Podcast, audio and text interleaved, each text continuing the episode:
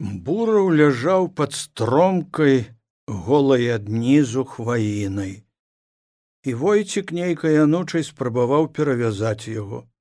Рана была мусіць кепская ці не разрыўной у левы бок. Крыві наплыло многа. Войцік у прыцемках доўга поркаўся пад яго кашулямі і бураў хрыпата стогнучы лаяўся. Мудак! Я ж тебе паслаў пільнаваць, а ты я і пільнаваў, што я вінаваты, што яны з іншага боку. Шчыра дзівіўся войцік. Іншага. Стоячы на каленях войцік нарэшце абкруціў анучай скрываўлены жывот бурава як след перавязаць яго было аднак неяк ды не было чым. Войцік думаў што карысці з такой перавязкі будзе няшмат трэба б яшчэ якую анучыну. Але дзе яе возьмеш у гэтым бязлюдным восеньскім лесе. Ён ваўкавата зірнуў на змакрэлага ад поту сушчэнню які паныла сядзеў побач і ад яго відаць было ў світальным прыцемку веяў потны парог. Сушчэнне сохнуў аддыхваўся ўпёршыся рукою імшанік і невесела пазіраў на двух партызан Яны да яго не звярталіся, ні пра што не пыталіся, быццам нават злавілі, не, быццам нават злавалі на яго, але не стралялі і нават не праганялі яго. Яму ж ісці адгэтуль не было куды.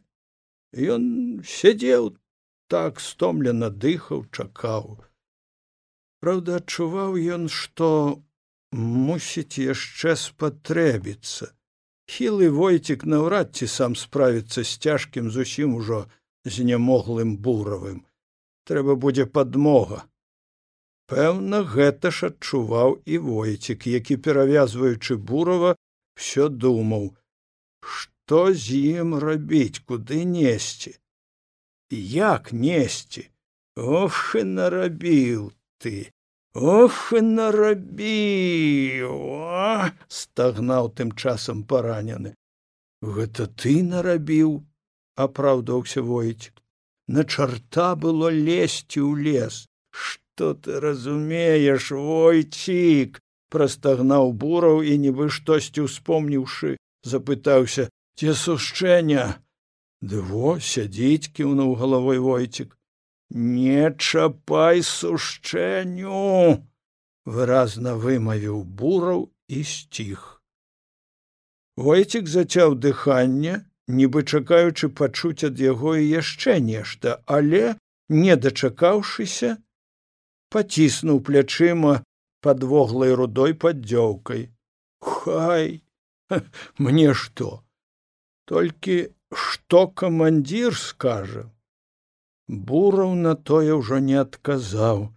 Ён зусім неяк нядобра абціх у доле і ляжаў так не могла выпрастаўшыся даўгім целам раскінуўшы худыя ногі ў ботах. Знятую з яго дзягу з наганам у кабуры войцік ужо начапіў сабе на паддзёўку і мабыць не збіраўся яе знімаць але буру відаць было не да зброі. Здаецца ён зноў паў у непрытомнасць. Пасядзеўшы трохі войцік трывожна заазіраўся.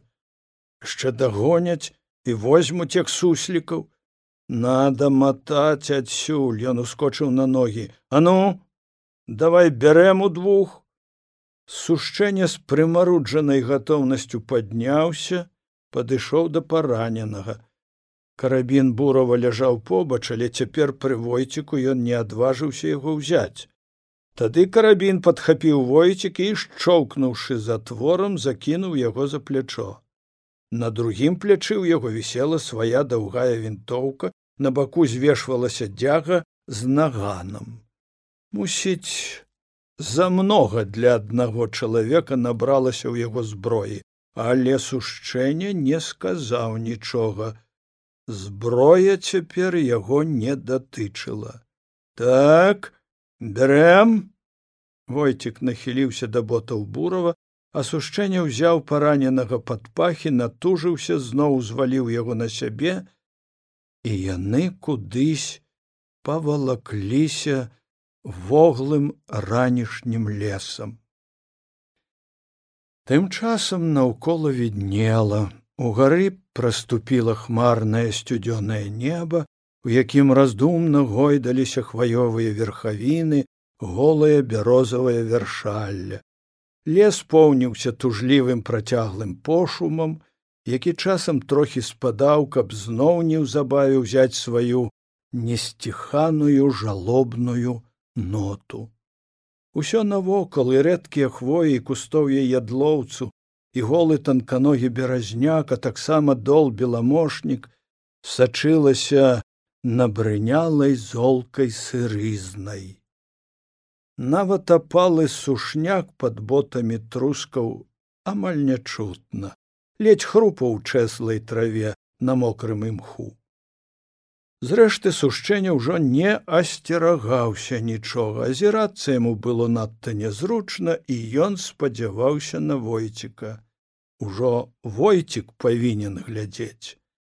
Ён ведаў адно цярпліва валачы на сабе цяжкое цела бурава таксама у набрынялым вільгаццю і крывёй шынялі і толькі прыслухоўваўся час ад часу да яго дыхання на плячы якое часцяком зусім замірала і тады ён думаў хоць бы не сканаў гэты бураў ён не ведаў яшчэ чым той цяпер яму неабходны але ён чуў што той сказаў войціку і нібыта пелец за квелую саломінку ухапіўся за тыя ягоныя словы. Ён згледзеў у іх нейкую нечаканую нітачку якая можа вывела б яго да сваіх калі б не ўратавала жыццё дык хоць бы засцерагла ад недарэчнай пагібелі. Пасля ўсяго, што з ім здарылася, ён ужо не спадзяваўся на жыццё. Для яго найвялікшай удачай было б загінуць па-людску, пакінуўшы па сабе хоць някепскую памяць. З нейкага часу ён ужо адчаяўся пазабыцца пагібелі. Жыццё яго зрабілася недасяжным ведаў стае пасткі куды яго загналі ворагі ці абставіны мусіць паратунку не будзе.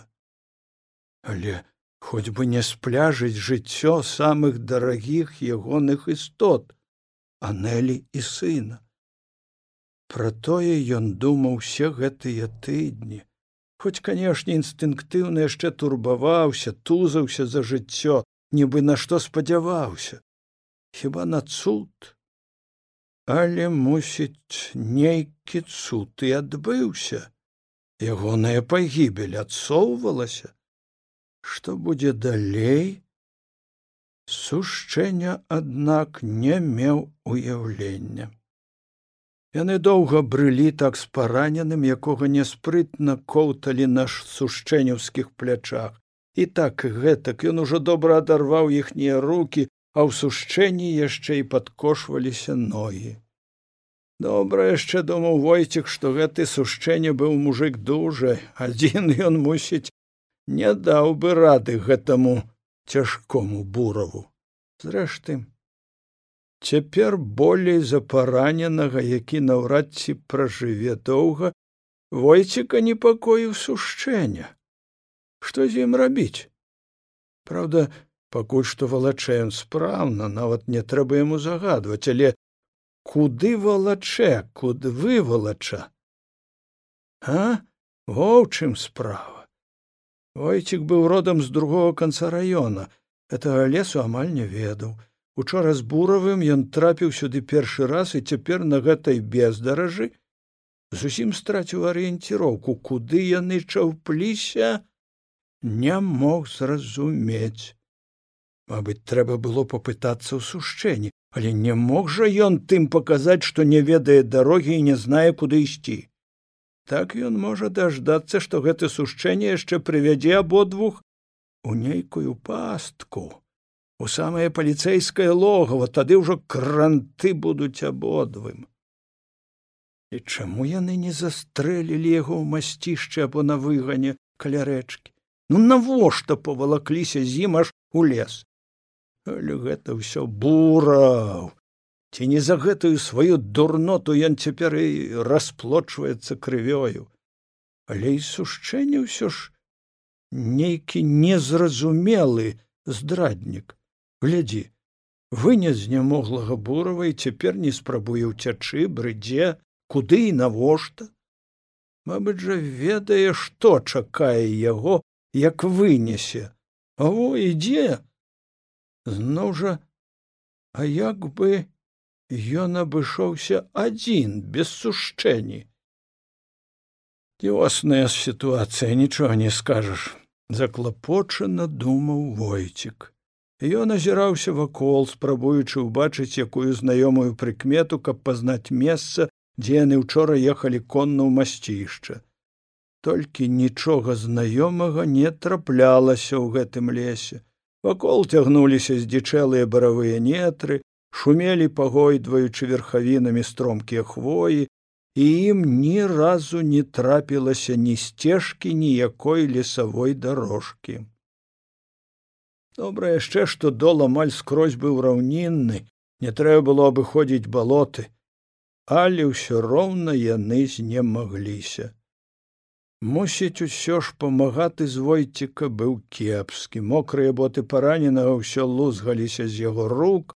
Сушчэнне тузаўся пакуль стомлена хакаючы не прахрыпеў з пад бурава. Вы кіньце я сам Войцікі кінуў, сапраўды яму хапала дзвюх цяжкіх вінтовак на вузкіх плячах. Нагана ён таксама ўходаўся за гэтую ноч ды яшчэ пачаў балець страўніка звалася яго застарэлая язва. Маўчала амаль тыдзень яго напомніла. Ну але мабыць турбота ў гэтыя ночы яму было мала. Адчуваў яны яшчэ вылезуць бокам. Ісці так без грузу ў руках стала лягчэй ён трохі аддыхаўся і раптам у звыклым лесавым пошуме учуў раскацістыя водгуллі некалькіх далёкіх стрэлаў. Якраз у тым баку куды яны кіравалі. Войцік аж прыпыніўся хацеў гукнуць сушчэнню але той сам мабыць учуў страляніну і стаў. Сагнуты ў тры пагібелі пад няўклюдна распластаным на спіне целам бурава. Дзе гэта у бабічах. Можа і ў бабічах шумна выдыхнуў сушчэння вот жа халера падумаў войцік калі ўжо страляюць у бабічах. Ты куды ж паткнуцца? Мусіць тое ж адчуў і сушчэння які трохі паправіў на сабе ношу хістка пераступіў на нагах праз хвіліну яшчэ даляцелі два стрэлы і затым усё няпэўна знямела. Яны пастаялі. Тады войцік зайшоў наперад і паказаў рукой трохі ў бок ад тых стрэлаў. Яны зноў рушылі па бары ўсё пільна ўслухоўваючыся праз лесавы шум пакуль што вакол было ціха.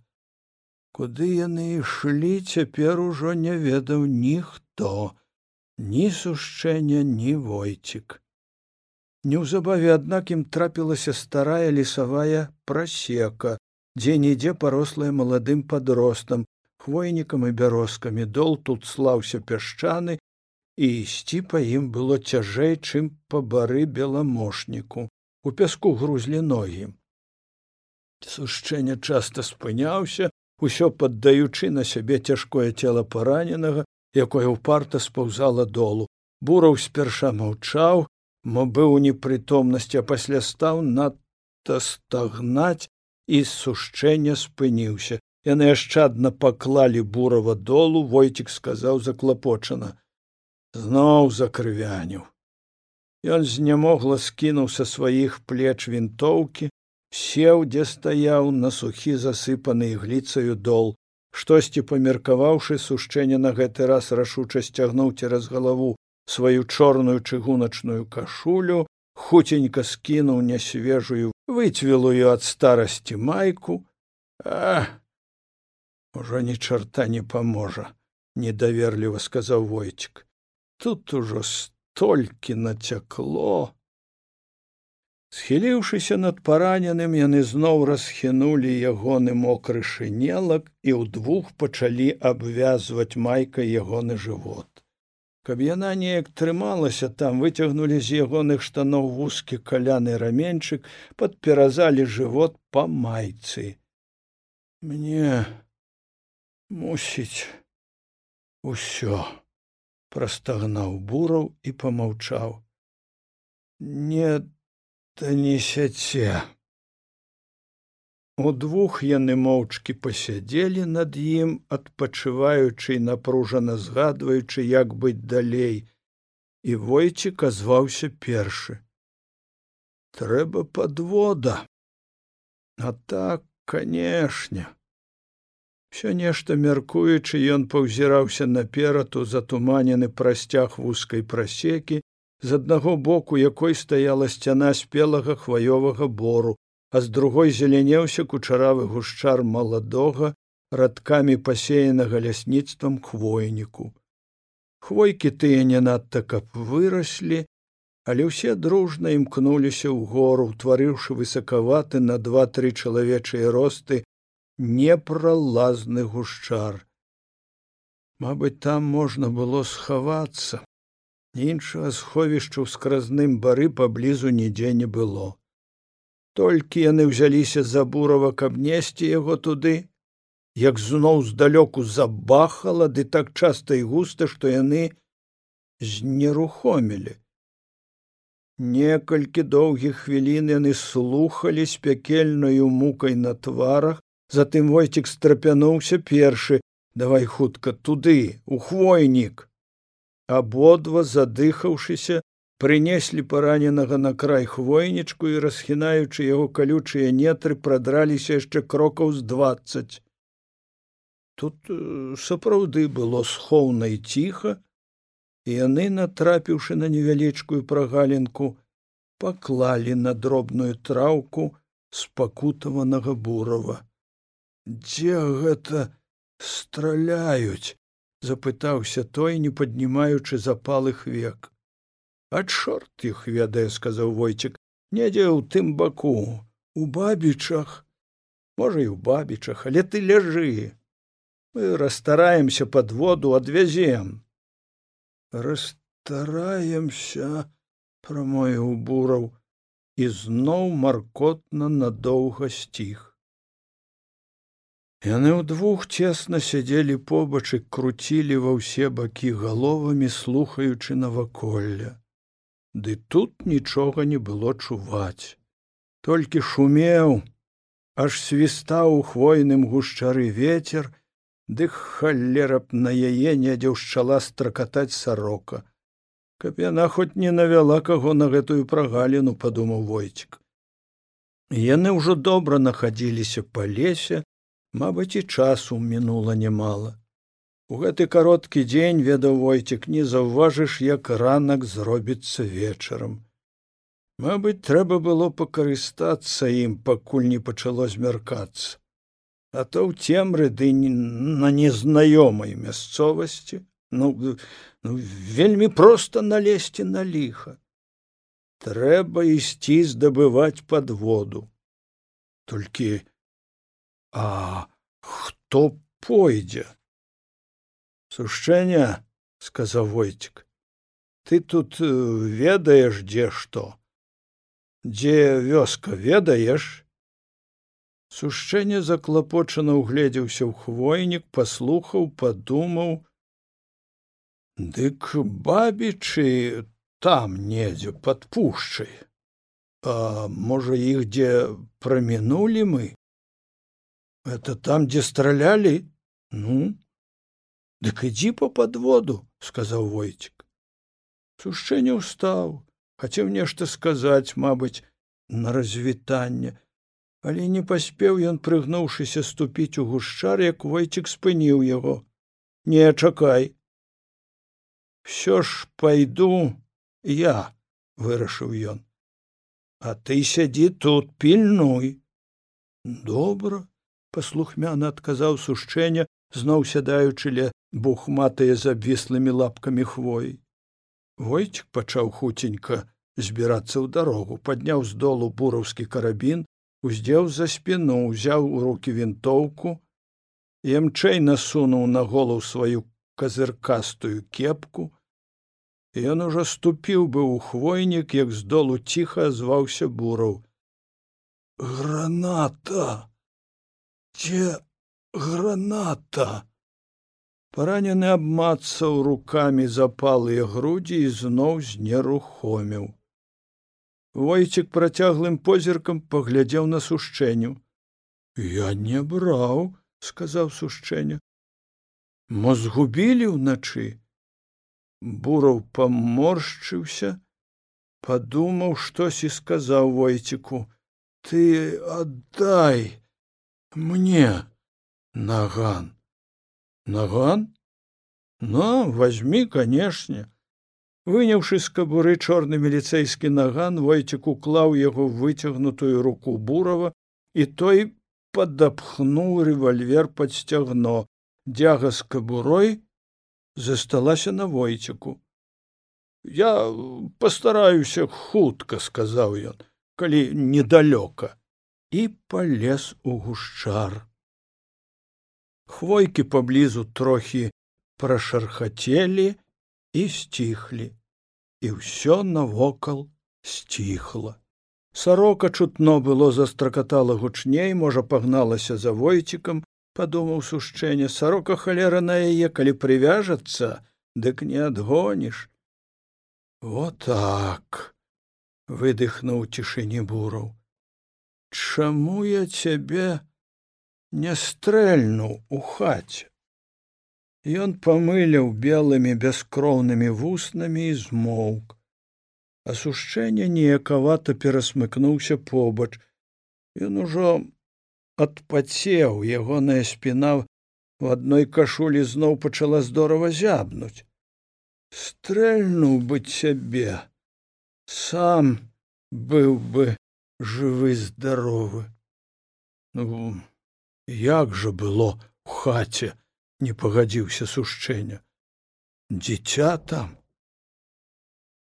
Дзіця а чаму ты не ўцёк сушэння запытаўся бураў і насцярожыўся поўны нямоглай увагі сушэнне выдраў з зямлі жмут травы выбраў з яго даўжэйшую былку і разламаў яе напалам.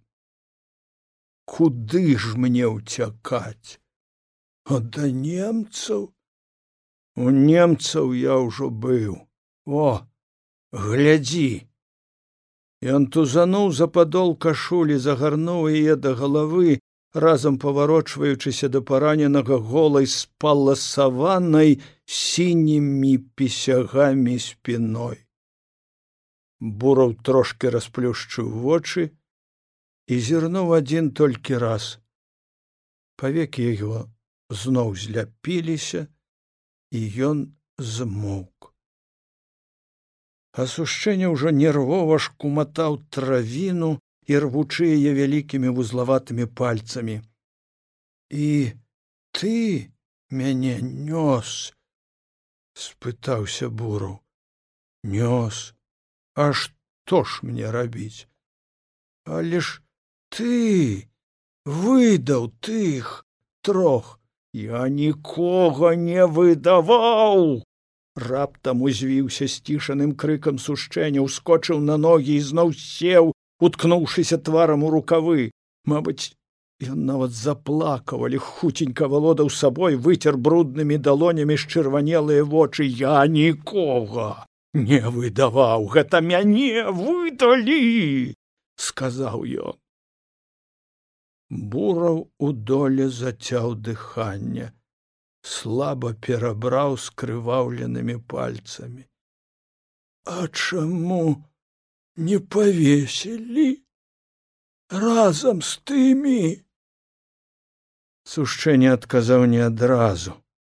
Неяк разважна помаўчаў і кінуў прэч травіну каб жа павесілі я б ім дзякуй сказаў але выпусцілі думаў на што выпусцілі думаў зноў возьмуць не ўзялі два тыдні дома сядзеў куды мне было падацца цяпер стаў трохі разумець чаму выпусцілі это праўда цяпер ён стаў разумець і разуменне гэтае прыйшло спакваля рознымі няпэўнымі прыкметамі стукалася ў ягоную свядомасць каб канчаткова з'явіцца учора ўвечары разам воз гэтым буравым які цяпер ледь жывы ляжыць на зямлі і не можа чагосьці ўцяміць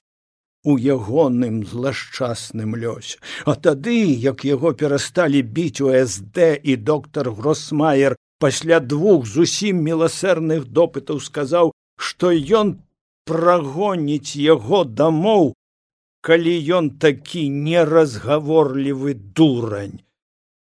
Сушчэнне, канешне ж, зусім не поверыў яму. Дудкі падумаў ён, каб яны выпусцілі, павесяць, як учора павесілі трох ягоных рабочых, хіба што пасля, а ён сапраўды ўзяў ды пусціў